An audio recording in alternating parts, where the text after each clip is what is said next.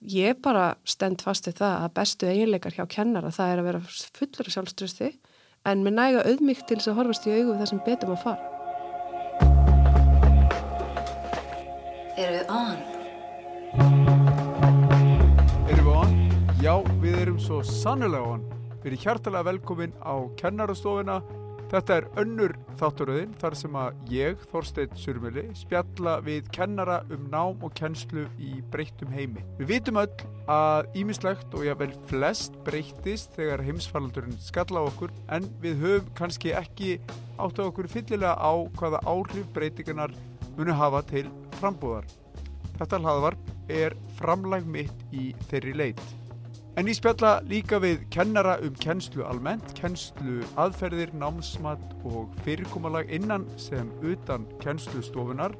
Samtalið er mikilvægt og í þessu samtali spjalla ég við vinnminn og kollega Sigrunu Svöfu en við höfum verið samferða í kennslunni í um áratug.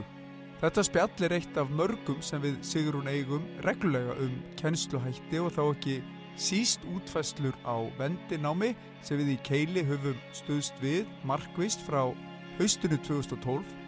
Við Sigrún höfum tekið þátti því ferli frá uppafi en óháð vendináminu veitir hún mér inblástur í kennslu í hvert sinn sem við spjöldum. Njóti vel.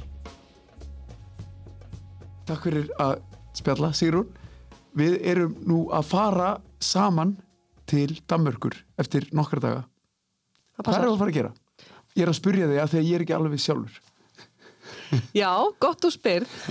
Takk fyrir að bjóða mér að spjalla við þig. En hérna, já, við erum að fara að hitta vinn okkar og kollega í Damörku og það er samansapna af, af góðu fólki við þessu erum frá Evrópu uh, og við erum að fara á stað í Evrópu samstarf um í rauninni best practice uh, eða hvað sem er bestu leiðir sem mann hefa fundið í tengslu við skólastarf á COVID-tímum?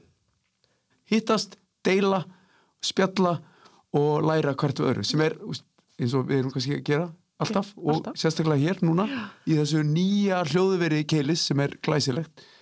Eh, við erum að fara út og við ætlum að, að vera þar í nokkra daga og spjalla við fólk frá hvað er þetta, fimm lönd eða eitthvað svo leiðis, kollegur okkar í fimm löndum. Já og um, marga hef ég hitt áður. Ég hef verið að vinna í mörgum erfuverkefnum áður þannig að sumt af þessu fólki þekki ég bara persónulega sem er ótrúlega gaman að hafa mynda svolítið tengsl við, við sverum Evrópu.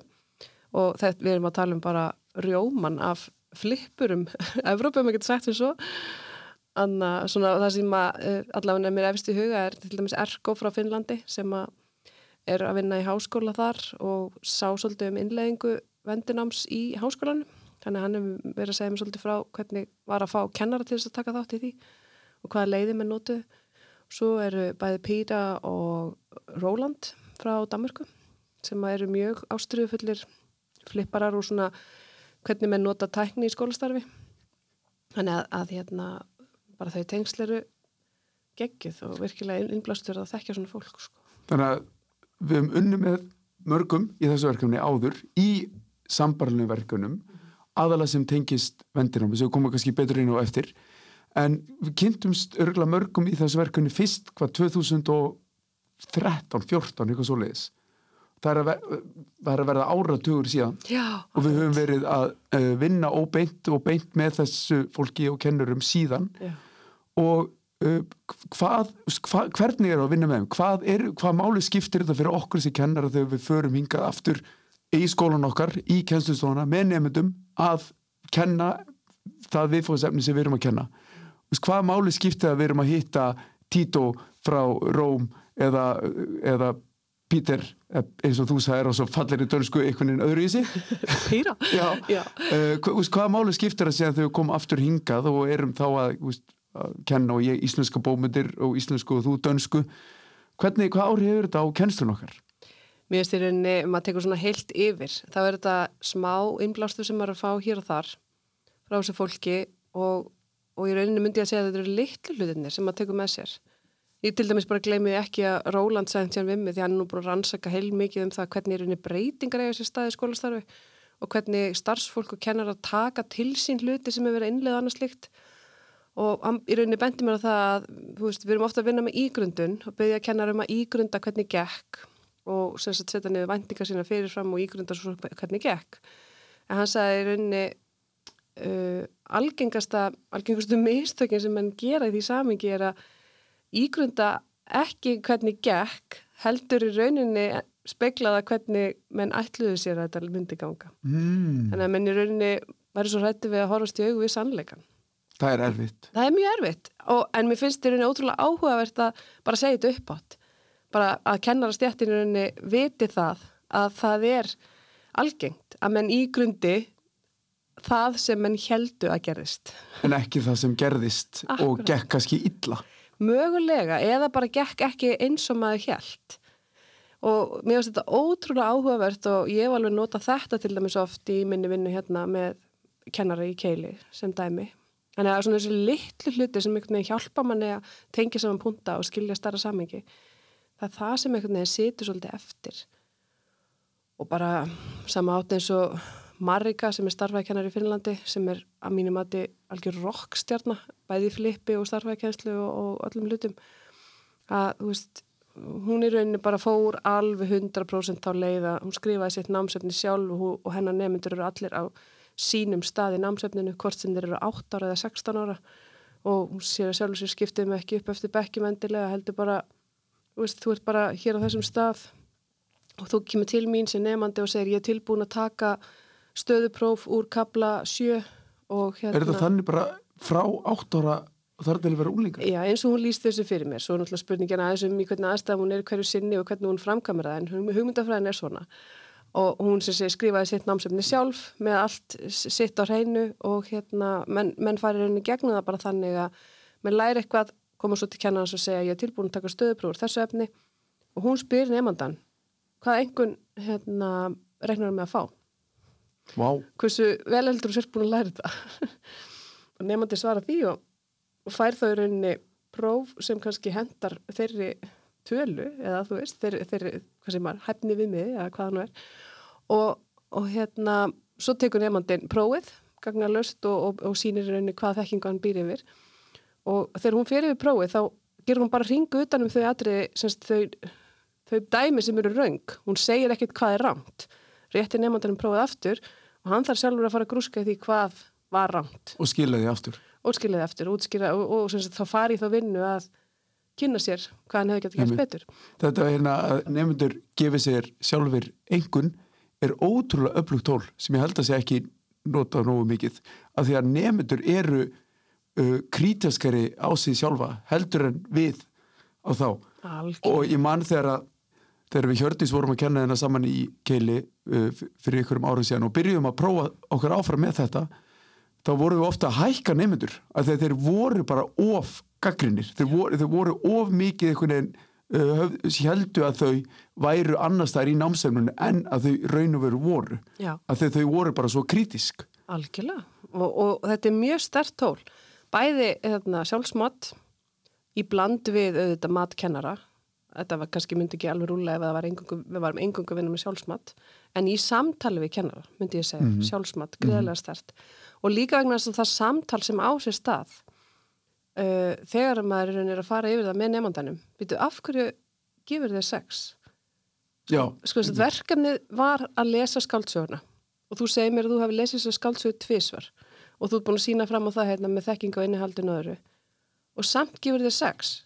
Í hverju liggja þessi 40% sem upp á vandar þetta samtal er ótrúlega stert því að þá oft áttaðu sig á því að, að þau eru kannski setja á sér óreinu hefur kröfur og og maður getur alltaf gert betur en maður þarf að fókusera á hvert er verkefnið.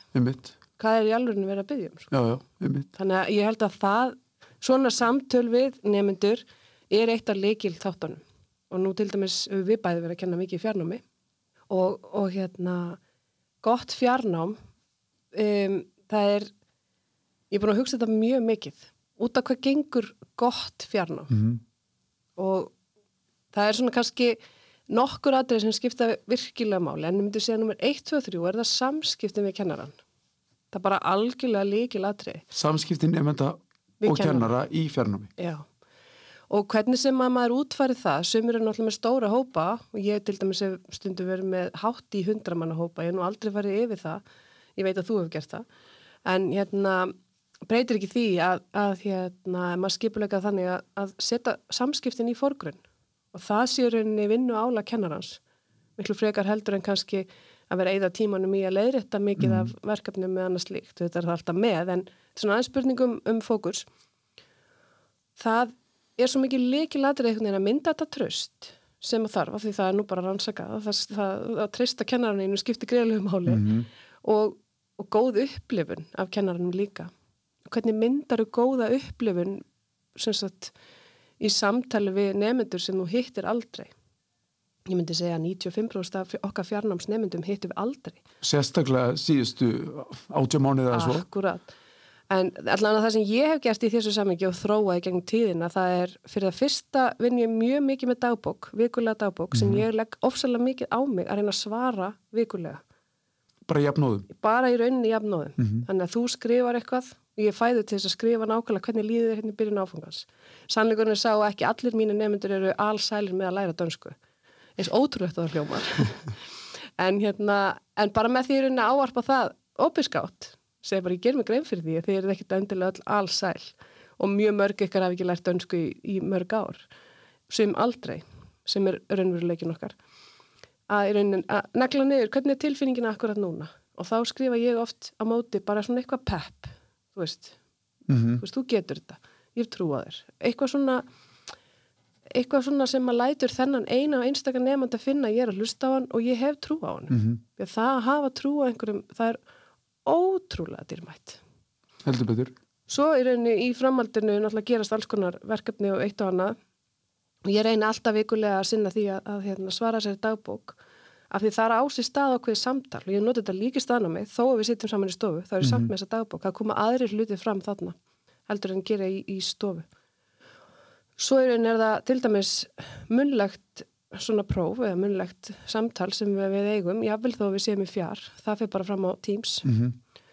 og ég myndi segja að það eitt og sér væri eitt af svona bestu ákvörðunum sem ég hef tekið að spjalla við þau bara munlega á Já. Teams og í rauninni breytingin er svo að við erum að lesa skaldsögu sem við gerðum áður ef ég bara horfið svo á því fyrir mm -hmm. og mhm. eftir og fyrst bæðið þau öllum að skrifa rítkjur upp úr skaldsögunni mér finnst það snildar hugmynda því það var þannig sem ég lærði þegar ég var í dönsku sjálf.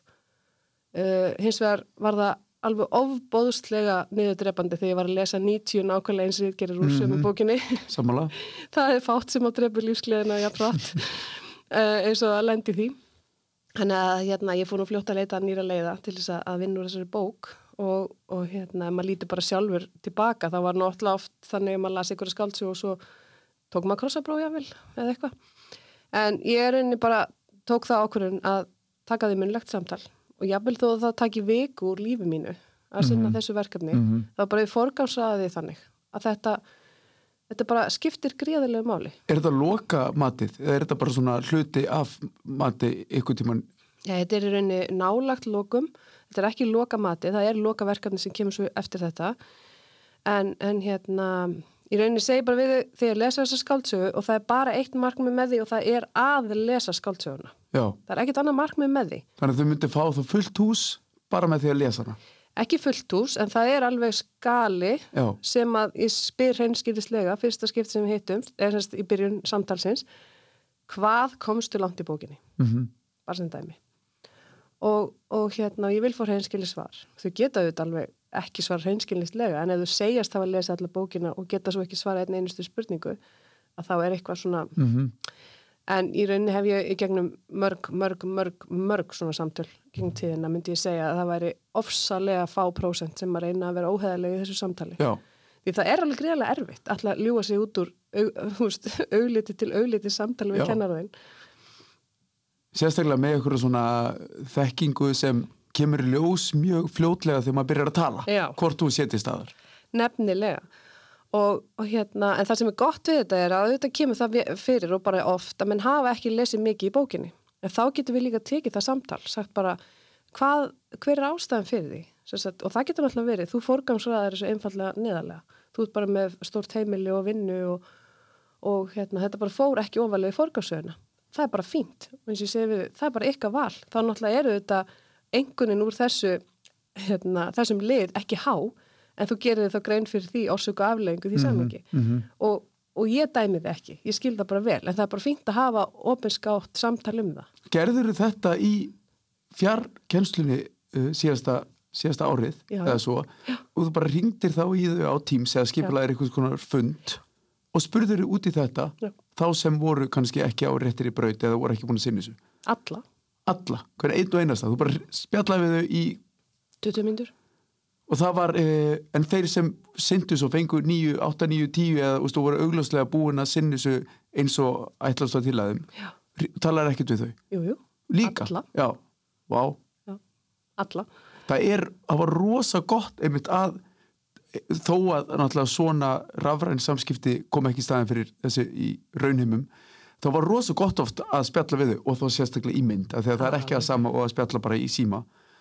Að, að bara svona taka stöðuna þegar þá líka kannski talaðu um eitthvað sem þau er ekki búin að segja uppbót við nokkun nema, veist, ekki einu sunni sig sjálf. Nei, það er nefnilega það, það bara svo, tala uppbót það er svo margir töfra sem fælast í þessari leið.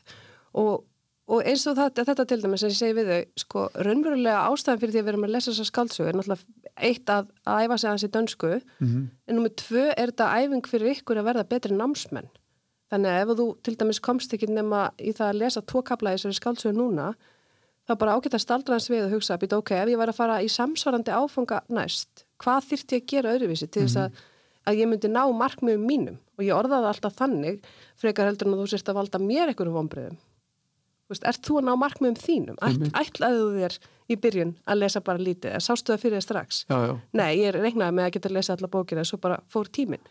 Ok, frábært. Hva, hvað myndur þú þurfa að gera næst ef þú væri í sömu spórum? Í tímastjórnuninni. Í tímastjórnuninni og þú sem námsmaður og námstækni.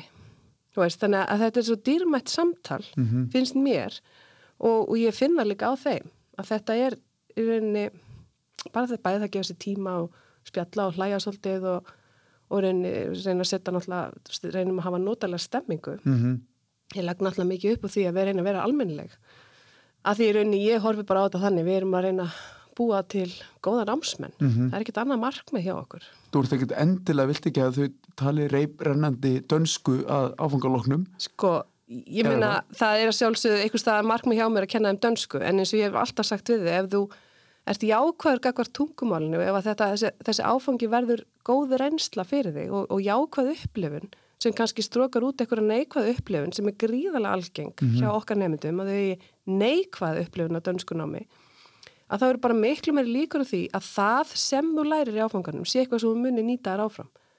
Ég get alveg barið þau með svipu og látið þau læra utabókar alls konar hluti sem að þau sko gera mig með hryllingi og, mm -hmm. og gleima svo af áfergi um leiðu við lókum áfangan, skilur hvað við Við vorum, vorum mjög fljóta að hoppa úr uh, Európa-samstörfi í uh, munlegt uh, mat hérna í dönsku Akkurat. en þetta kannski tengist að þið vorum að tala um uh, starfræðikennara í Finnlandi sem notar ákveði uh, námsmatskerfi eða eða svona fylgist með framvindu í námi nefnda með ákveðnum hætti og á þeirra fósöndum, það er kannski það sem við erum að það er ástæðin, það er tengingin hann á milli, mm -hmm. að það er að uh, nefndum líðu vel í þeirra uh, eigi námi mm -hmm. og framvindan er þó eftir því að það maður aðstóði bara í gegnum þetta ferðalag sem þetta raunin er. Og, finn, og nefndu finna að þeir sé að vinna með styrkleikana sína og þeir sé að bæta sig Sagt, þau kom inn á einhvern fórsendum og eins og í dönsku, það er náttúrulega alveg ótrúlegu munur frá þeim sem er beststattur og, og verststattur í byrjun áfangans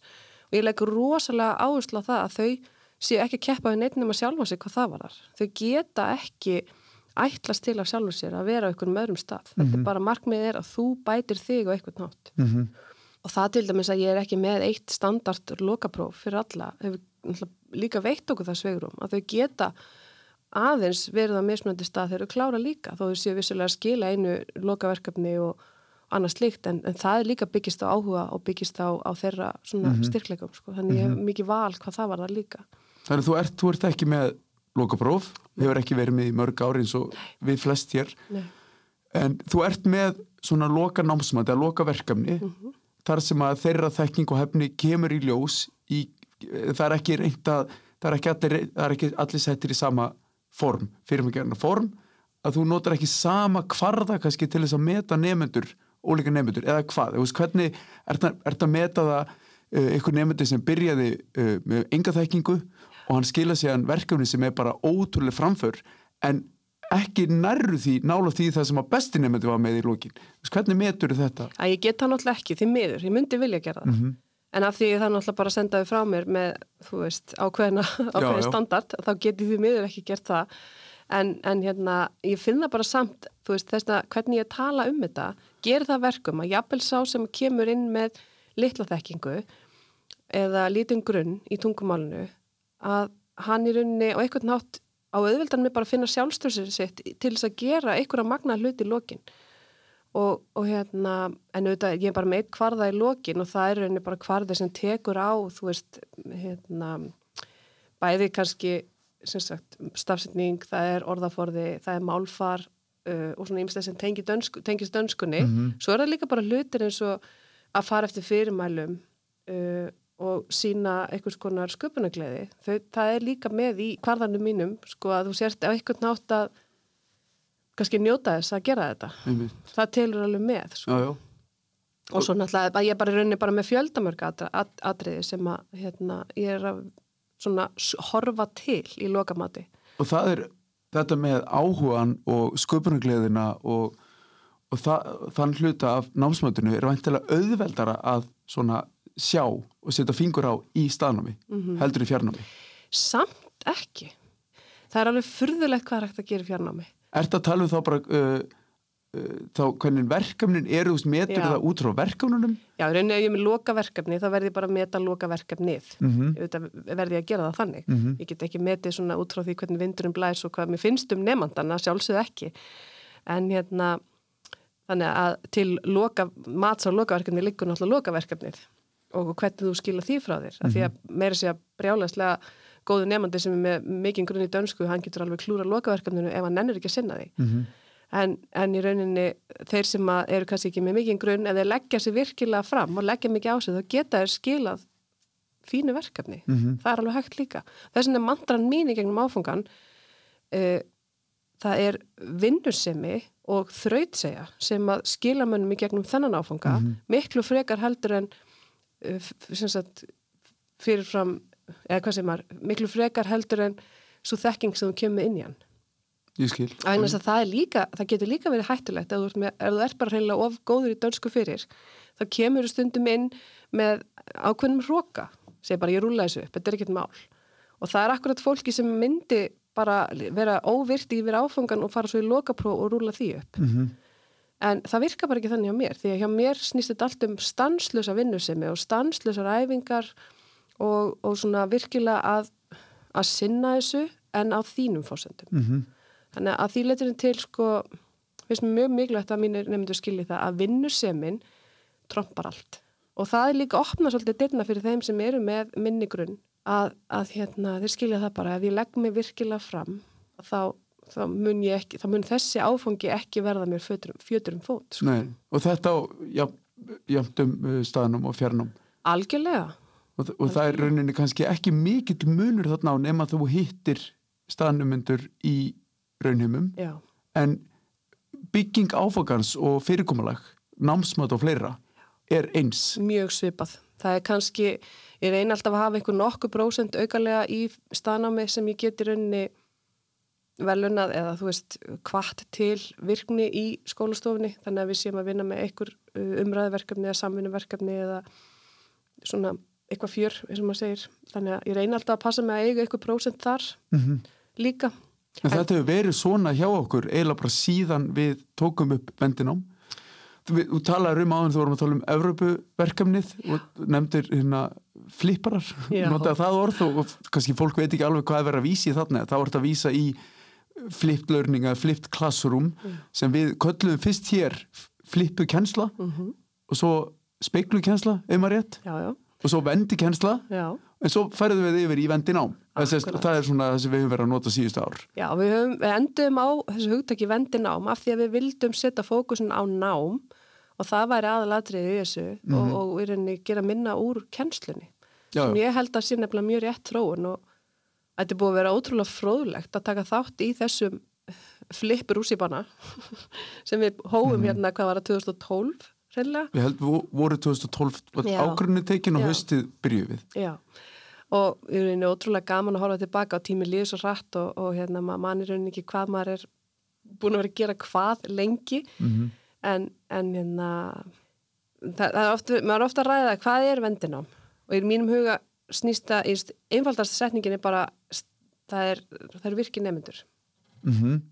það, það er í mínu hjarta allavega það nefnendur er virkir. Það var, einmitt, það var tengingi með, með hérna, munin og fjarnum og staðnum hefur kannski Uh, svona minkað og jáfnvel orðið að engu eftir að við tókum við vendinum það er af því að við, við uh, einbyttum okkur að virkni nefnda og leggjum áherslu á það mm -hmm. bæði í fjarnum og staðnámi mm -hmm. og virknin er í gegnum verkefni eða samræður í staðnámi. Það er kannski það sem að fjarnumi skortir. Það er svona samtal og samræður. Já, akkurat. Og, og í rauninni sko ég hef upplegað það til dæmis ég hef oft verið á þeim stæðis bara, hm, hm, nú er þetta komið, þetta er flott. Sem er náttúrulega algjörlega galið. Fyrst bara þannig að voru í 2013 þegar við vorum búin í nokkru mánuði. Já, ég, ég fór svo stað með fullu sjálfströsti þá. Og ég segi bara, hvað þetta er geggjað, ég er búin að skipulega geta allt, sjá þetta allt fyrir, þetta er, þetta er fullkomið. Og svo náttúrulega fekk ég það alveg blöytatusku andliti mjög fljótt, þetta var það svo sannarlega ekki. En þau mistök sem ég var kannski helst að gera þar var að ég ætlaði svo mikið að stjórna hverju mínútu og ég var búin að negla þetta niður svo svakalega vel í skipulag.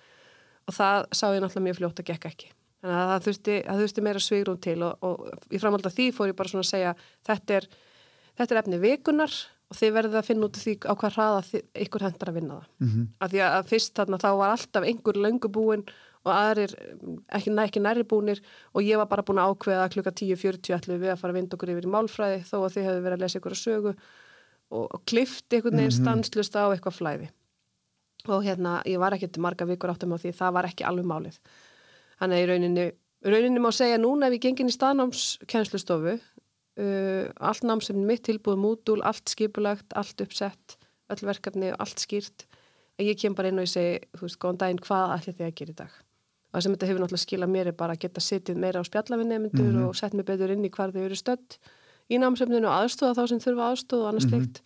Og svo náttúrulega þetta er verkefni í kennslustofunni þar sem við erum að tala saman eða vinna eitthvað saman eða gera eitthvað fjör. Og flottast í þessu er þegar maður finnur að við erum kannski undirbúið sér fyrir eitthvað stöðupróf, segjum bara í málfræði sem við erum náttúrulega að vinna með líka, að þau eru bara þyrst í málfræði fyrirlestur.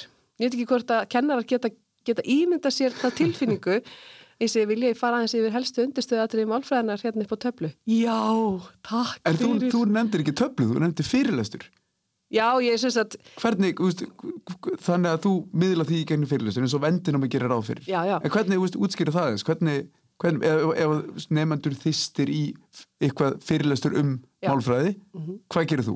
Já, þetta er alltaf þetta upp að ég með all málfræði atriðin bara veist, inn á mútul. Það er bara hér er um nafnorð og ná, námsefni og fyrirlestrar klifti niður í smá hluta uh, á æfingaverkefni og, og hérna annars líkt og svo er, er í lokin bara eitt mútulpróf úr málfræði sem að gildir x prosent af vinnungun og það er rauninni það sem við þá værum þá að vinna að undirbúku fyrir. Mm -hmm. og þau væri þá búin að fara í gegnum á sínum hraða og sínum fósendum allt námsefni sem tengist málfræðinni og búin að grúska í því sjálf og, og með hvert öðru og ég að hjálpa þeim annars líkt segjum svo að þetta stöðuprófi málfræði væri á morgun og við erum að tala um þetta og ég segja og ég er kannski að fara hérna núna yfir helstu svona gildrunar eða eitthvað upp á mhm. töflu og þannig að halda málfræði fyrirlastur Ég skil og þá er bara já það er geggja og þá allt í einu ásist að bara ykkur brjálæðislega áhugaverð og gefandi umræðum um málfræði sem er svo sannarlega ekki mín reynsla gegn tíðina.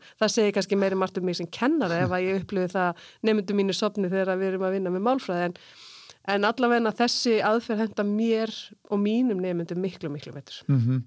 En þetta er við nefnum orðið fyrirlastur við erum í rauninni að tala um innlögn Já, við erum í rauninni kannski að tala um samtal. Veist, þannig ég bara af minni reynslu að segja að það er rosalega algengt að, að þeim myndu gera þessi mistök og rugglið þessu saman og þeir áttu ykkur á að þetta er þetta og þetta er þetta og svona, þú veist, alls ekki fyrirlestur Já, þetta er upp á töflu Þetta er upp á töflu og, og svona þá kannski eftir uh, hvað sem var eftirspurn Já, já, og, og eftir að þau hafa hlusta á fyrirlestar, eða innlagninar Já, já, upptökunar mínar. Upptökunar, já, Já. sem eru á mútur og Já. það er allt, þú veist, það ertu búin að fara í gegnum þetta allt en það ertu bara að kafa kannski aðeins dýbra Já, eða kannski tengja síðustu þræðina eða eitthvað. Einmitt, já, og hérna stundum gera svona töfrar í, í þessum aðstæðum. Og svo náttúrulega hef ég alltaf sagt ég er að leiðbenna kennurum með vendinám sumir fyrirlestrar eiga ekkit endilega erindi í upptökur ef þú átt fyrirlestur eða sem sagt átt efni til þess að tala um þú sem einstaklingur og kennari sem að er þannig að allir setja dolfallnir að hlusta veist, þá er það akkurat ekki toppiki sem á að fara í upptöku nema þú náttúrulega bara nöðsilega þurfir nema þú sérst að vinna með fjarnámi eða þannig Mhm. en, en sem sagt, þú veist, allt sem heita reglur eða starffræði um, málfræði, þú veist, eitthvað svona sem að reynist fólki kannski flókið og er oft erfitt að ná í einni kemslustund það að sjálfsögða að fara í upptökur. En til dæmis þegar ég er að segja frá dvöl minni í Orhus í Danmörku sem er alltaf minn heima bær og maður getur sagt svona á lifandi hátt frá ymsu bara sem að svona sem heimamaður, ef maður getur sagt eins og mm veist, og við eigum öruglega, allir kennarar eiga sér svona fyrirlestara eða ég veit ekki hvort ég fyrirlestur rétt orðið, en þú veist svona eh, Samtal. samtal eða svona viðfangsefni sem mm er ótrúlega gefand og gaman að taka í kennslustofu við nefnendur sem að, veist, enda kannski kennslustundin á því að segja bara fleiri en einn og fleiri tveir, vá, komið langar að flytja til Orhus Þannig að þú ert að segja að þetta er eitthvað svona frá þínu hjarta, Já. meira þín reynsla, Já. það ákast ekki heima í upptöku, því að það myndi líka aldrei skila sér á sama hátt. Sko ekki nema þú bara þurfir, eins og ég segi, í fjarnámi þá þarf það, þannig já. þú hittir ekki nefndu hvort sem er. Eða þú hittir þau í vinnulótum. Já, og þetta er til dæmis dæmi um eitthvað sem ég raunni flytt yfirlegt í upptöku svo sem, en á fjarfundi í vinnulótu, bara þessi einstakki fyrirlestur. Þannig að, að ég reyni einhvern veginn að að framkama hann þannig að við séum saman þegar við erum að, að, að, að fjalla um þetta efni. Upp á það að reyna að kveikja einhvern áhuga. Að því mér finnst það svona, þetta er svo vand með farið, sumir kennarar eru svo fullir af eldmóði og með svo ótrúlega flotta nálgun á sitt námsefni að það þarf svo að passa líka að þetta einhvern veginn sopni ekki allt inn í einhverjum fyrirlestrum Mhm. með því að því söður ég mikil talsmaður þess að taka upp kennslumyndbönd og gera það vel og vanda til verks og hafa þau stutt og hafa þau hnýtnuðuð og, og hérna gott hljóð og allt það sem skiptir máli en eh, það að hafa góðan kennara með góðan bakgrunn í efninu er líka ofsalega dýrmætt Ég sammála því. já, Að að, þú veist, kennarin skiptir mjög miklu máli þegar það kemur að miðlun á námsefninu Já. sem okkur finnst auðvitað sjúklega áhugavert eitt og sér, já, en kennarin, hann þarf að gera það af áhuga Alveg. og gera það áhugavert í augum nefnda. alveg og ég meina í því samingi er þetta líka fín lína við höfum verið mikið talsmenn þess að, að taka upp fyrirlestra með góðum gæðum og vera að vinna í upptökuherbygginu og svona vera svolítið kannski standard ef maður getur sagt sem svo, þetta sé svona bara uh, gó, já, á- ákveðin viðmið, Mhm. en að samaskapi er rosalega hlindi líka, kennari bara hann er kannski að labba á esjun og sunnudegi og hann taki upp síman sinn og, Mhm. og taki upp smá myndband þar sem hann er að tala við nefndu sína um, hvort sem það tengist beinlinis fæinu beint eða ekki heldur bara kannski eitthvað tenging þú veist bara ég er að hugsa til ykkar og þeir eru frábær. Ég sammála þessu, þetta er maður kannski, maður varð svolítið blindur svona fyrst að gera gæða upptökur og allt svona vera með viðmiði svolítið hátt, sett hátt.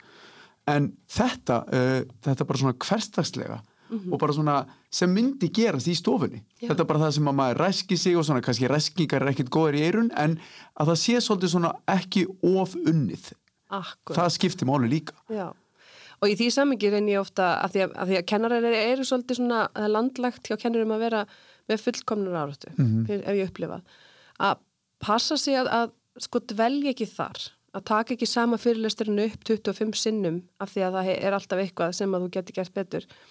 Heldur sko reyna bara að ná einhverju flæði og halda svo áfram að taka upp punta þá hjá sér, ok, fyrirlestur nummer eitt var kannski ekki 100% eins og ég vil hafa hann ég ætla aðeins að gefa svo smá tíma og ég tek hann upp bara í næstu viku, aftur, eða eitthvað. Punta hjá sér, þetta er, þetta er eitthvað sem þú hefur svolítið verið að hjálpa mér með að kennarin nótir í hjá sér það sem betur mætti fara Já, næst. já. og eins og veist, það sem þú hérna, síndi mér að þú gerir með að setja skjál á mútul sem heitir muna fyrir dönsku í vor sem er þá næsti nefndahópur að skrifa í það skjál sem er falið nefndum það sem betur mætti fara næsta vor í sama áfunga Já. af því að þegar það kemur að sama áfunga um vorið þá auðvitað gleymur maður öllu því sem betur mætti fara um haustið þannig að svona litil hlutir að skrifa hjá sér að því maður er svo fljóttur að gleyma Já. og eins og þú segir maður uh, sannfæri sjálfan sig um að þetta hafi bara verið fínt Já. svona eftir á, en það var kannski ekki fínt eða mætti bæta að mörguleiti. Já, já, ég meina við erum öll, þú veist það er bara mannlegt að við viljum bara gera vel. Við viljum standa okkur, mm -hmm. ég held að það sé mjög mannlegt. Og svo að samanskap er bara líka ofsalega mannlegt að mun ekki að mun ekki fyrir hotn mm -hmm. og, og þetta er bara mjög gott ráð að búnda hjá sér og og reyni líka bara að vera ófeimin við að byggja um álit. Til dæmis bara að spurja nefnendur og ef maður er að pröfa sér áfram með eitthvað nýtt í áfengum að ég til dæmis setja oft litla könnun bara neðst í minna áfanga með einhverjum tveim-þreim spurningum bara hvernig kunnur við þetta? Mm -hmm. og ég var til dæmis að pröfa mig áfram með Duolingo í mentaskólanum hérna síðastliðin vetur. Og mér vant að svolítið að fá endurgjöf á það. Og eins voru ég með ákveðna þætti sem ég var að sína en bara mér vant að vita hvað fannst ykkur um þess að þætti er þetta eitthvað sem ég á að nota áfram? Þannig ég set bara litla spurningakönnun neðst mm -hmm. með tveim, þreim spurningum og fæ bara ótrúlega dýrmæta endurgjöf nafnlösa endurgjöf á það hvort að efni mitt sé að virka mm -hmm.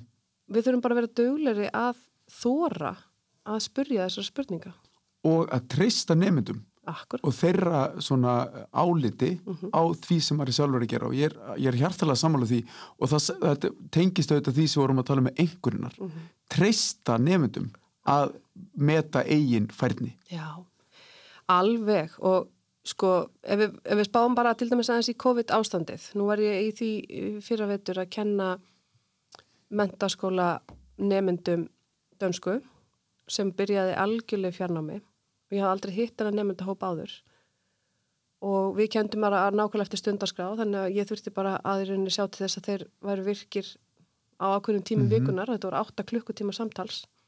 Og náttúrulega allt efnum er tilbúið, allir fyrirlæsta tilbúinir, fullt af æfingaverkefnum, Duolingo, sjómanstættir eh, og alls konar, fullt efni tilbúið, en mm -hmm. þetta var áskorun fyrir mig samt, þó ég sé vanur sko fjarnámskennari, að það var þetta ekki fjarnám, þetta var fjarkensla, mm -hmm. með töluvert annað. Og meiri segja neyðar fjarkensla. Já. sem er hugtak sem er farið að nota núna um ástandið. Algjörlega, þetta var sem samt sko síðasta vetur, þetta var ekki vor 2020, Já. þannig ég hafði alveg haft tíma til að undirbúa mig, þannig að ég myndi kannski ekki nota neyðar yfir þetta, þetta ástand þarna, en, en hérna, ég var samt stressuð og ég undirbjóð mig gríðarlega vel. Þrátt fyrir það eins og segja að hafa mjög miklu reynslega að kenna fjarnam, þá var mm -hmm. þetta bara langt frá því að vera saman hluturinn. Og það sem ég fannst koma einna best út var í rauninni að því við vorum saman á Discord hérna, samskiptamiðlinum mm -hmm. að, að það var alltaf eitthvað lítið verkefni á mótnedags eða þegar við hittumst í byrjun hérna, tímans mm -hmm.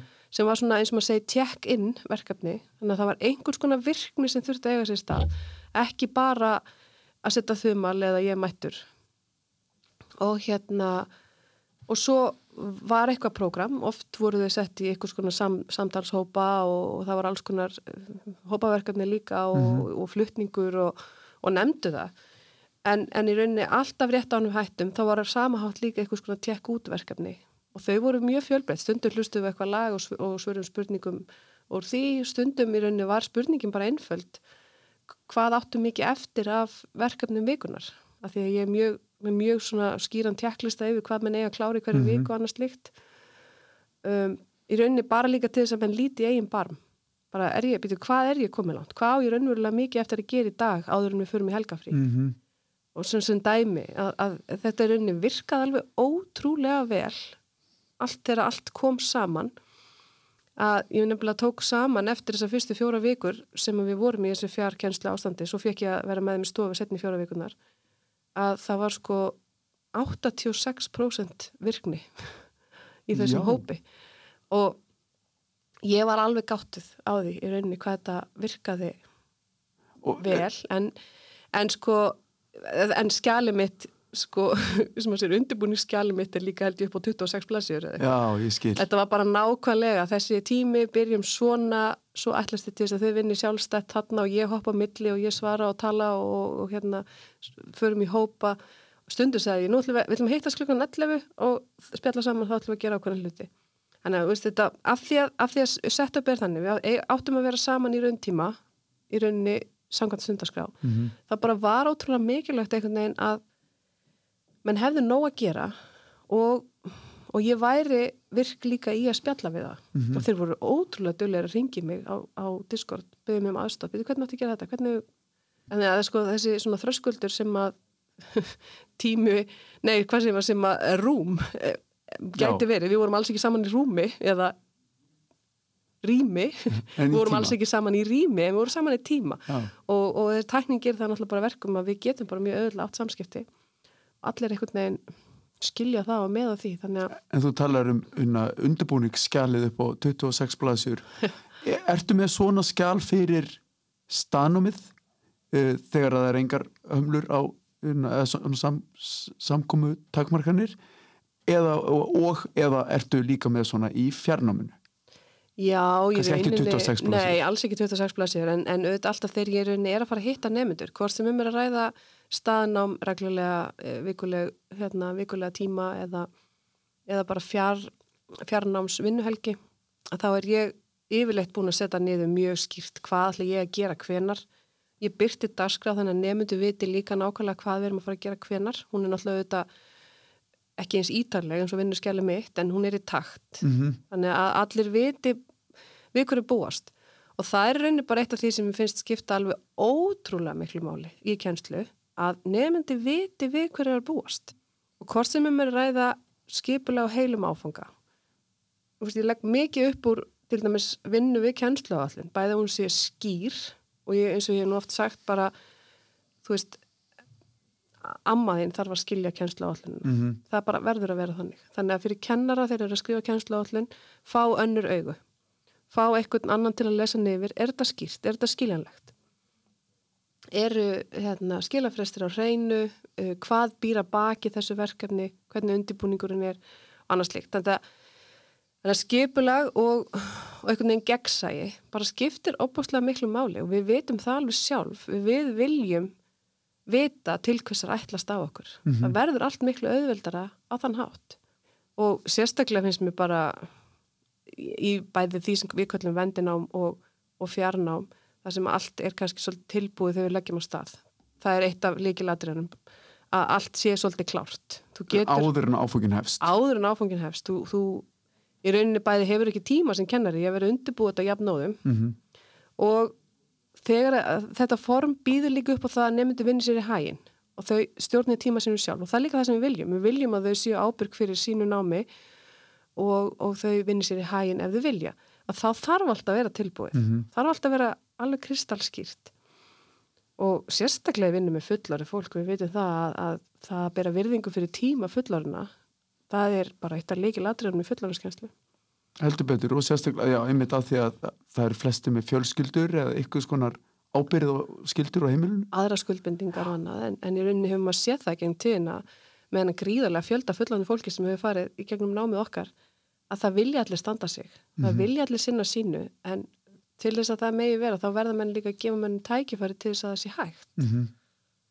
Já mitt og þess vegna skiptir þessi virkni veist, það, þetta er svo auðvelt að kasta þessu hugtæki bara fram virkni og um að halda þeim virkum mm -hmm. en það þarf að gera það rétt á þeirra kannski fósundum og, og þannig að þau geti það Já. og í fjarnáminu er það mjög flókið og sérstaklega fólk er í fullu starfi eða er með fjölskyldi eða eitthvað svolítið þannig að maður þarf að hafa virknina þannig sko bæði raunhefa og, og, og tímastjórninin sem kennarin býður nefndum upp á verður að vera í lagi. Já, akkurat.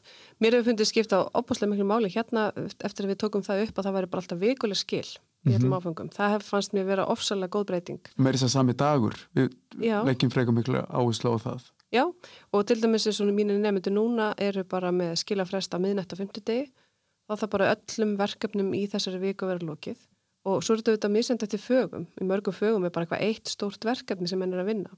En eins og í mínu fæi það sem að þú lærir ekki tungumál að það eru svona æfa þig.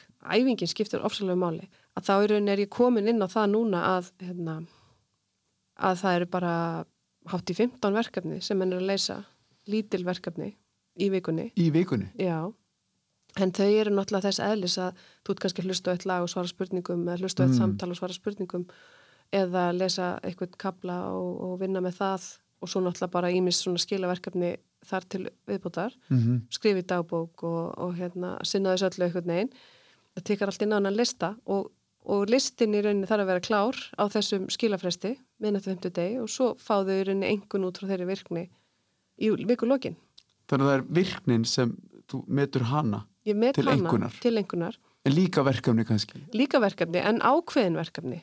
Rosalega mörg verkefni er alls ekki metin til engunar heldur rauninni eins og ég segi alltaf við þið bara sama áttu væri að vinna þig vinnubók að hérna þú vinnur verkefnið og svo kíkir á svörin aftast og leiðir eftir sjálfan þig. Mm. og þá er þetta farið fram í gegnum tölvuna og í mútul og þau fá jáfnvel bara fjóra í engun á mútul að þá er mútul náttúrulega bara tölva og mjög takmarka þannig að sko það er ekki raunverulega rétt Engu, eða, og svo tala fyrir ekkit inn í loka engun en þetta er alveg svolítið verkefni að kenna þeim þessa hugsun. En þetta er ég búin að nota í mörg ár bæði staðnámi og í fjarnámi og í mentaskólanum og fólk bara leðið að fara að skilja þetta Já. þá fílar þetta mjög vel. Já. og það sem kemur líka elementi í þessu er að þú getur ávikið laus gert verkefnin. Það er raunin ekki einhverjum sem að telur til dæmis hlustun dönsku, hún veitir fólki gríðarlega hvíða að geta áhugilust unnilustunarverkefni það Jum er bara einhvern veginn meikut og breykit í þessu. Allt í hennu er allir fannir að æfa sig á fullu Svona án ábyrðar, þú veist, þú veist að þetta gildi kannski ekki til loka einhvernar Jú, bara, og bara alls ekkit kannski það bara, Nei, bara gildir, gildir ekki. ekki, ekki sem sagt niðurstaðan úr þessu verkefni. En það að hafa gert það mun bæta loka einhverjuna Já, og þau fá tækifærtilis að gera hvert verkefni eins og oftu þau vilja, þau með bara Já. æfa sig, þannig að það er mitt að geta gert mistöku örgum römmum hefur skiptið líka ofsalega miklu máli. Og kannski svolítið sem að mitt ég upplifi að okkar fólk hefur ekki fengið í mm -hmm. það að gera mistök hefur einhvern veginn alltaf skilað þeim einhverju refsingu mm -hmm. og oftast í formi einhvernar, eða lárar einhvernar Já, og falli og, og öðru slíku sko, þannig Akkurat. að þarna, þetta er svolítið svona að vinna, vinda ofan af þeirri tilfinningu Finnst þið það uh, finnst þið þetta uh, kannski erfitt að segja hvað er mikilvægast og, og, og ræða því einhvern veginn í einhvers konar svona, svona, set, búið til einhvern skala mikilvægis í kennslu, í fjarnámi og í vendinámi, mm -hmm. en finnst þér þetta vera kannski svona eitt af því mikil, mikilvægasta? Sko, ég myndi kannski ekki segja mikilvægasta, þetta er alveg rosalega mikilvægt hins vegar, því að áður, ef ég hugsa bara til áður, því að nú er þetta náttúrulega mörg ár sem ég er búin að vera að föndra við þetta og þróa mm. mig að áður fyrir þá var það þannig að það voru bara x náttúrulega verkefni sem gildu til loka einhvernar yfir önnina og ég sá það bara svo skýrt að menn settu ekki vinnu í neitt annað heldur en það sem gildi af því svo var ég náttúrulega með að dagskráð þú þarfst að æfa það að lesa þannig að leskilningurinn er batni til þess að þið gangi mm -hmm. betur á leskilningsprónu þú þarfst að æfa það að hlusta til þess að hlustunni batni til þess að þið gangi betur á hlustunaprónu og þú þarfst að æfa þið að vinna málfræði verkefnin til þess að þið gangi betur á málfræðiprófunu. Öll þessi próf er í rauninni bara mjög lítil og tekka saman í boks að mynda eina heildar vinnu engun mm -hmm. en hérna uh, það er rauninni sko fókusin fór svo 100% frá æfingunni. Það var aldrei neinn æfing sem átti sér stað. Mm -hmm. Af því að mannlega eðlið er þess að, þannig að mínu mati að við bara gerum í rauninni alltaf bara lámark. Er þetta til prófs? Er, er þetta til prófs? Nákvæmlega og þess vegna myndi ég segja sko það er make it or break it þetta er hérna, hvað heitir þetta í íslensku? Að duga eða drepa Já, þetta var allavega mjög svona grundvallarbreyting þegar að ég fór að sem sagt verleuna þau eða sem mm. sagt, já, gefa þeim punta fyrir virkni og fyrir að æfa sig og við mm. törum bara mjög mikið um það líka í áfangunum að það að æfa sig í tungumáli er er rauninni einast sem þú getur gert. Þú getur ekki svo auðvitað að sest bara niður daginn fyrir lokapróf ef það væri og lært allt. Ekki með tungumál, ekki með tungumál. og eiginlega ekkit fag? Nei, nei, einstakka fög eru kannski auðveldar en önnur. Ef maður ætla sér að gera það svo leis ef maður er bara með brjálæðislega góðan límheila og annað þá hefur maður svo sem fund, föndra við ymslegt í gegnum mm, tíðina sem já. námsmaður ef maður lítur í einn barm. En, hérna, ég held sko til lengri tíma þá skilur þetta sér betur í, í raunverulega einhverju færðni Er þetta það sem að þú uh, svona hvetur kennara? Að að þú starfa líka sem kennsturafgjöfi í keili, þannig að þú tala við kennara uh, formlega og óformlega var að spjalla við þá um kennsluna um áfangan sem er að hefjast eða var að klárast uh, um námsmatt og nýja kennara sérstaklega sem kom inn Já. að þú, þú fer með þeim í gegnum allt þetta ferli og það er kröfur sem við gerum til okkar sjálfs og til uh, námsefnisins og, og miðluninnar á því uh, er þetta sem þú nefnir uh, snemma í þessu samtali, það er virknin og samtal við nefndur mm -hmm. hvað hva leggur þú mesta áherslu á í, í þessu ráðgjöf? Í kjensla ráðgjöf? Já. Ég reynir alltaf að fókusa á það að við erum með ofsalega ólík fög og þó að þetta hendi mínu fæi að þá náttúrulega er ég alls ekki að segja að það, það hendi þínu fæi reynir nú að passa mig á því að hérna, og á þann hátt reynir ég náttúrulega að vera frekar einhver innblástur fyrir aðra kennara útfæra hlutin eins og þeim hendar mm -hmm. en nummer eitt held ég að fyrir að maður taka móti nýjum kennurum að, rauninni, að þeir finni að þeir hafi einhvern stuðning og einhvern til þess að tala við ekki bara eins og ég reyni alltaf bara að segja beint út, þú, þú þarfst ekki að hafa vandamál til þess að koma að tala um mig það mega bara mjög gætna að vera vangaveltur. Ég er að pæla í að gera svona hins mm -hmm og, og einhvers stað verður maður að byrja þegar maður er að koma inn og kenna og við erum náttúrulega með svolítið svona sérstakt umhverfi, kennslu umhverfi að þó þú hafi kennslu reynslu áður þá er þetta oft mjög nýtt fyrir kennurum. Þannig að í rauninni segir ég bara alltaf þú verður einhvers stað að byrja og svo verður í rauninni bara að læra af því sem betum að fara. Og ég bara stend fast við það að bestu eiginleikar hjá kennara það er að vera fullur sjálfströsti en með næga auðmyggt til þess að horfast í augu við það sem betum að fara þannig í rauninni nærmaður árangri. Einmitt, þetta er mjög góði punktur. Það er, er ekkit annað mótel held ég í því því að mér er bara búin að sjá það hér að, að við erum með fjölbreyttu skóla og við erum oft með kennara sem er ekki beinlega sem er kennara bakgrunni eða kennara mentun, eru kannski fagmentaðir og eitthvað hát í alls konar deildum en það er rauninni sjálfströstið og, og svona auðmygtin sem að gera það verkum að hafa, hafa bakið það að hlusta á þessi nefndur að segja, hlusta á ábyrningar frá samkennurum og yfirmönnum og, og könnunum og hvað nú er sem upplýsingarnar er að koma og vilja gera betur. Það er í rauninni... Og þetta er bara, þetta tengist við vorum að tala um þegar við hófum vendinum hér í Keili 2012, að svona fljótlega uh, um vorið 2013 vor, heldum við að þetta væri bara komið, þegar ég mann sérstaklega eftir að þegar að vorum að tala um þessar upptökur að við ætlum að nota upptökur lík í staðnum ég sagði ekkert mál. Ég er búin að vera að kenna fjarnum núna í heilt ár. Mm -hmm. ég nota bara þær upptökur. Klukkutíma langar. Já. mjög, mjög góðir fyrirlestrar að mínum að þið en svo náttúrulega mjög fljótlega eins og þú sagðir, þá áttaði maður að segja á því að þetta var alls ekki leiðin mm -hmm. en við erum ennþá þarna 8-9 árum síðar. Við erum ennþá bara já að prófa okkar áfram. Ég ætla að prófa þetta, nei, þetta er ekki rétt leið fyrir þessa nefndur, ég ætla að prófa okkar annað.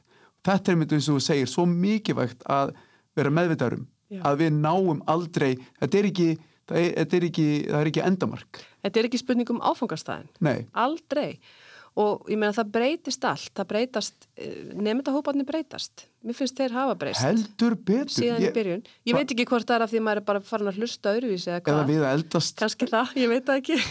En, en, og, og ég meina reynslan okkar gerir það alltaf kannski verkum líka við horfum á þetta með öðruvísi augum. En nefndahóparnir breytast líka og, og líka hvað varðar tækni, læsi, nefndahópa mm -hmm. færnina og ímislegt bara. Og svo náttúrulega breytist tæknin. Þannig að þú veist það sem var ekki mögulegt áður er kannski árið mögulegt í dag annan hátt. Þannig að við þurfum stanslust að vera ofin fyrir nýjum tæknimöguleikum án þess að ég sé eitthvað að segja að tæknin sé aðalatrið í þessu. Sko aðalatrið er hugmyndafræðin, mm -hmm. nummer 1, 2, 3. Hvað leiðir allar að fara? Og jafnvel þú sért kannski bara frekar slakur í tækninni og, og með frekar mikla minnumáttakent kakvar tækni sem kennari, þá eru samt til ofbáslega áhrifaríkar leiðir mjög svona low tech, eins og maður mm -hmm. segir, mjög einfaldar. Og þetta snýst í rauninni bara um það að finna lausnir, að sjá fyrir sig hvað vil ég? Þú veist, ef að það sem að, það sem að hendar mínum áfanga og mínum nefndahópi best væri til dæmis að taka upp síman og ringja bara í liðið mm -hmm. að þá bara er það fínt. Það er mjög low tech laust en, en getur verið kennslufræðilega mjög stert Þetta er með þetta með að vera svona, kennarin er oft smeykur að stíga fyrsta skrefið af því að þekkingina, kunnatun og tæknuna er ekki til staðar. En það sama er að segja um skóla. Þeir kannski búa ekki yfir einhvers konar tækni lausnum sem að hendar fyrir til dæmis vendinám Já. og þess vegna svona uh, vilaðu það fyrir sér að, að byrja. En þetta snýst ekki um þetta. Þetta snýst um meira eins og þú segir hugmyndafræðin og hugafarið Algjörlega og, og stuðningin myndi ég segja því að við svona horfi yfir bara skóla og kennara og, og hópa sem mann var hitt í gegnum tíðina sem eru fjölmarkir og út um allan heim að þá finnum að það líka sko fólk öfundar okkur ofta því að við séum með, við höfum verið blessunlega með þannig skóla yfirmenn hérna hjá okkur að þeir hafa hvart okkur til þess að finna nýja leiðir, hvart okkur til þess að pröfa okkur áfram, hvart okkur til þess að gera mistök og læra að þeim. Og ég bara, mér er bara eftirminnlegt að voru aðstefnu ykkur stöðar út í Íslandi til dæmis, það sem að fólk var bara í alvöru meiri gera svona hluti? Og þá, þá finnum maður sko bara hvað ég veit ekki hvað árið að nota hérna bara munin. Því að munurinn og, og í rauninni bara hvað tíðavandin og, og, og hérna samfélagið í rauninni Já. getur líka verið með því að leifa svo náttúrulega bara það sem er líka í þessu er nemyndur eru nemyndur tilbúinir við þurfum að kenna nemyndum í staðnámi að stunda vendinám mm -hmm. og það er mjög mikilvægt að við munum eftir því.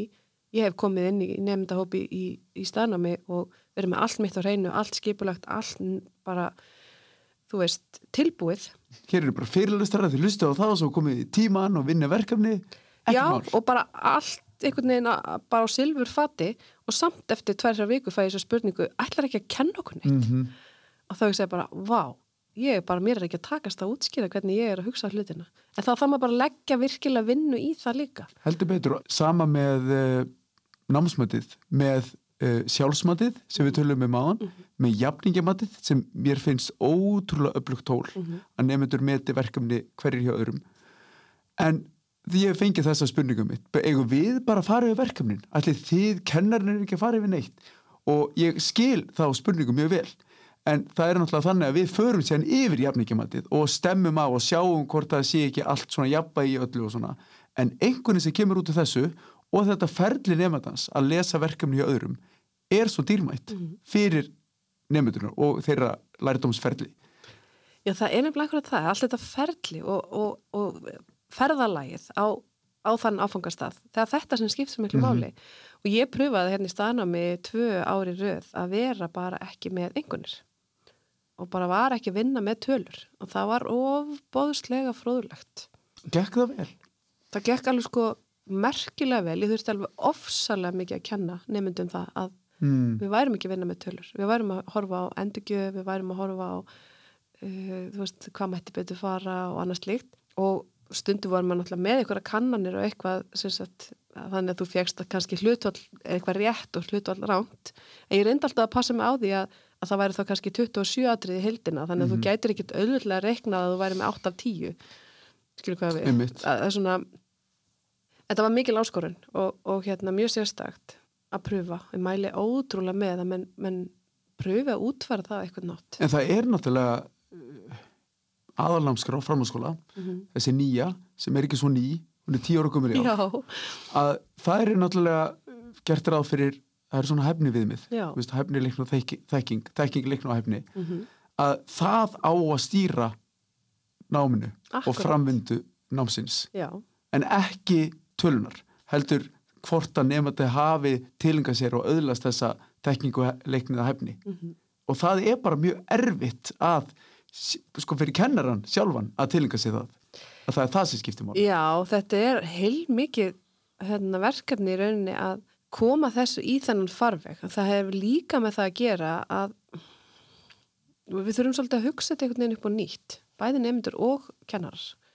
En þess að það þarf líka útskýrta fyrir nefndum en það er bara eitthvað sem er virkilega þess virði að halda áfram og, og koma í þann farveg að við séum um mitt að horfa á eitthvað skonar færðni mm -hmm. heldur en eitthvað tölur.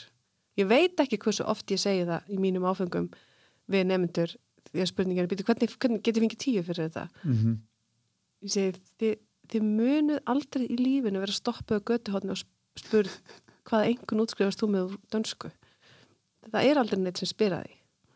Þannig við þurfum að passa okkur á því að vera ekki þarna. Og, og, og líka í rauninni passa okkur á því að eins og ég sagði nú einhvern tíman hérna á þann að ber okkur ekki sama við aðra heldur ber okkur sama við sjálf okkur. Og ég segi um gætnar sögu af, af nefnundur sem ég var með á einu sinni þar sem að það var stúlka sem bjóði í Damurku búin að búi í 12 ár. Þetta er samt að taka áfanga minn. Hefði á fyrsta degi geta tekið lokaprófið með 9-5 mm -hmm. árangri pottjett sko. Og svo var annar einstaklingur sem var í áfangunum sem að hérna, hafði rauninni aldrei alveg lært neina dönsku en var með alveg ofsalega lítinn grunn sem er alls ekki einstæmi hjá mér. Og í fyrsta einhverju prófi sem að sáaðili tók fyrir hann 1,9 sem var bara allra fyrsta dönsku prófi sem við komum að tekja á æfinni og þegar þau útskrifast svo frá mér af þessari önn, þá útskrifast hún með 9,8 en hann með 5,5 og hver sigur við er nýðsar sögu? Mm -hmm. og hvern myndi skólakerfi velun upp á sviði? Ég finnst það líka svo áhugavert. Það er mjög, mjög góð spurning. Og ég reyni segi þetta oft þegar ég byrja áfengana mína.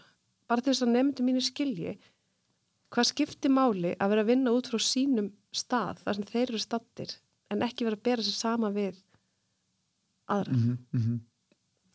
Svo ég reyni að binda það saman. Heldur, er þetta eitthvað sem við munum uh, ræða við kollega okkar núna í næstu viku þegar við hittum þau í Best Edu eh, verkefninu eh, evróska samstagsverkefninu er þetta eitthvað sem við getum annarkur deilt eða fengið ábyrtingar eða hugmyndir frá öðrum um námsmatt, um virkni og, og fleira? Alveg klálega og það er líka það sem er svo geggjað í þessu að hitta aðra svona eldhuga í, í skólakerfinu. Að fá í rauninni innblástum að það nú yfirleitt ekki verið búin að sitta mjög lengi aður maður fyrir á flug með svona fólki. Heldur betur. Þannig að það er svo geggjað en það sem ég finnst í rauninni alltaf mikilvægast er að gleyma ekki hver, hver, hver er aðalatrið og það er að hafa nefnandan í fyrirrumi og ég er náttúrulega bjóð í Damerkun okkur ár og, þar til dæmis lærðu við hjónin ákveðna pedagógík mm -hmm. sko, ég meina og ég meina bara skilur af reynslu, við vorum ekki að nema pedagógík þannig en, en sem sagt, það er ekki tilnætt íslenskt orðið við pedagógík held ég. Er það ekki bara kennslufræði? Mm, það samdekkar það ekki alveg sko. Allavegna að sem sagt reyna að hafa svolítið bak veira að spyrja sig er ég að taka þessa ákverðun með nefnandan í fyrirrumi eða er þetta heppilegast fyrir mig? Það er kannski einfalt nú að þetta hljómar að þá er þetta fáránlega flókið framkvæmt mm -hmm. og en alveg ofbóðslega dýrmætt inn í innleggið í skólasamfélaginu í dag. Og við sjáum það nú ef maður lítur aðeins upp úr okkar eigin viðhúsefnum að það er mjög margir að berjast í skólasamfélaginu í dag með hérna börn sem passi ekki í kassan mm -hmm. svo ég orðiða nú bara þannig.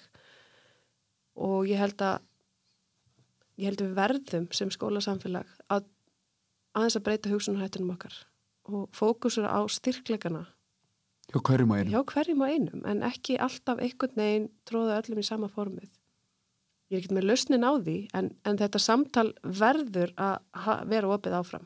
Svo er heldur ekki lausn á einunin einu, þessu eða öðru, heldur er það að vinna með það og tækla það á hverjum degi? Akkurat, og í því samvikið er bara það sem að, ég, ég byrjaði á að segja þarna, samskipti.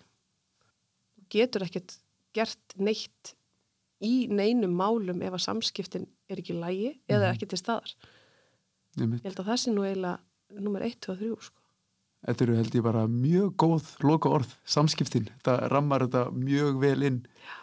en við náttúrulega við spjallum mjög reglulega um þetta og þetta er bara eitt spjall af mörgum uh, svona uh, spjalli á milli tveikja kennara og við náttúrulega mælum með því að allir kennara gerir það mjög reglulega bara að tala, setjast niður, tappa af speikla sig, deila hugmyndum vangaveltum sem eru kannski fáralegar mm -hmm. en það er oft í samtalenu sem að séðan eitthvað verður til sem gagnast Já, heldur betur og ég, ég veit ekki, ég er svolítið sjálf að vinna með mig, mig í því að að reyna, reyna sér get bara að berskjálta mig, er mm -hmm. það mhm. sögn? Að, að berskjálta mig Nei, sem sagt að að hérna opna mig með mína veikleika Hva, hvar mér finnst uh, ég vera að ströggla við, uh, í, í kjenslu vegna þess að ég er unni séða um leðum að fyrir að tala um það þá segja aðrir, já, vá, þetta er líka vandamál ég veit ekki hvernig ég á að leysa þetta. Eða ég, ég gerir sjálf sem mistök. Þannig að sko ég held að við erum svo miklu sterkari með sem samfélag samfélag kennara. Og ef við getum verið svo heppin verið þannig kennara hópa, við treystum bara hvert öðru fyrir okkar veikleikum að, hérna, að tala upp átt um það. Og ég er alltaf átt að með betur og betur á því hvað kennslan er lík uppeldi það er raunni svolítið merkilegt að minnst svo umræðu ekki mikið vera minnst maður ekki ótt að hafa hýrt beinleginist þá umræðu. En sko áður maður verið fóreldur að lesa maður alls konar bækur og alls konar teóriur og, og alls konar aðferðir og svona ætlum ég að gera og ég ætla aldrei að gera þetta og eitt og annað sem allir fóreldur held ég geta teikt við. En svo þegar maður er komin í aðstæðunar og er bara jável ósofin og, og svangur og, og með grátandi batn og þá gerir maður bara alls konar hluti. Og jável þó allar aðstæður séu fullkomna þá gerir maður samt alls konar hluti sem maður ætlaði sig kannski ekki upphafi því maður átta sig á því að hjarta segja mann annað. Og þetta bara á líka við um kjenslu maður getur verið búin að lesa kjenslufræði, aðferðafræði uh, svona rannsóknir sína þetta sé betur en hitt og annað slíkt en svo stendur bara í aðstæðanum og þú þarfst að hugsa standandi sem ég finnst svo gott hugta að gefa kjenslu þú þarfst að taka ákvörðun alveg á mínutunni og standa við hana. Það getur oft verið raunga ákvörðun og þá verður maður bara einhvern veginn að vinna úr því. En svolítið á sama hátu þegar maður er að neyta barninu sinum keks réttur í kvöldmatt Nákvæmlega, jú, ég er mjög samlega mjög góð líking. Þannig að sko, góðu vinni minn sagði kjensla er brjálaðislegasta listgrænin það er það bara í mínum hugum. Þetta er, þetta er mjög, mjög fín lókórð Takk kærlega fyrir spjalli Sigrun og gangið er ótrúlega vel og, og ég hlakka til að fara með þér upp í flugvel í fyrsta sinn í langan tíma eftir nokkru daga. Það verður geggja Það verður aðeinslega